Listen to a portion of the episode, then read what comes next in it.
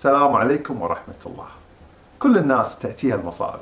هذه المصائب تجعلنا ننغلق على المشكلة. ثم نعتقد أن الحياة قد انتهت وأن الأمل قد انقطع.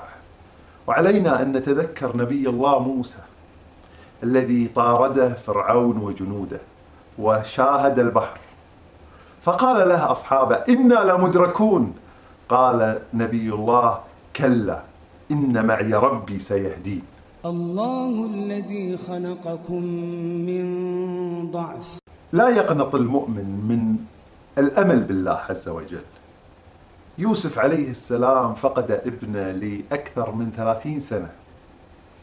لكنه كان يقول لأبنائه يا بني اذهبوا فتحسسوا من يوسف. وكان يقول إنه لا ييأس من روح الله إلا القوم الكافرون.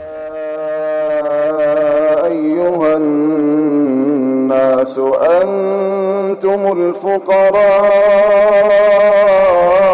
إلى الله. الله عز وجل يخاطب عباده الذين أكثروا من المعاصي. يقول قل يا عبادي الذين أسرفوا على أنفسهم لا تقنطوا من رحمة الله. إن الله يغفر الذنوب جميعا.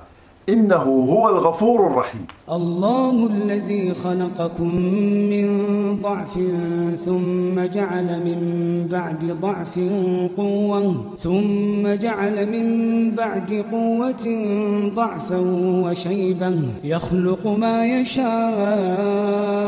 وهو العليم القدير.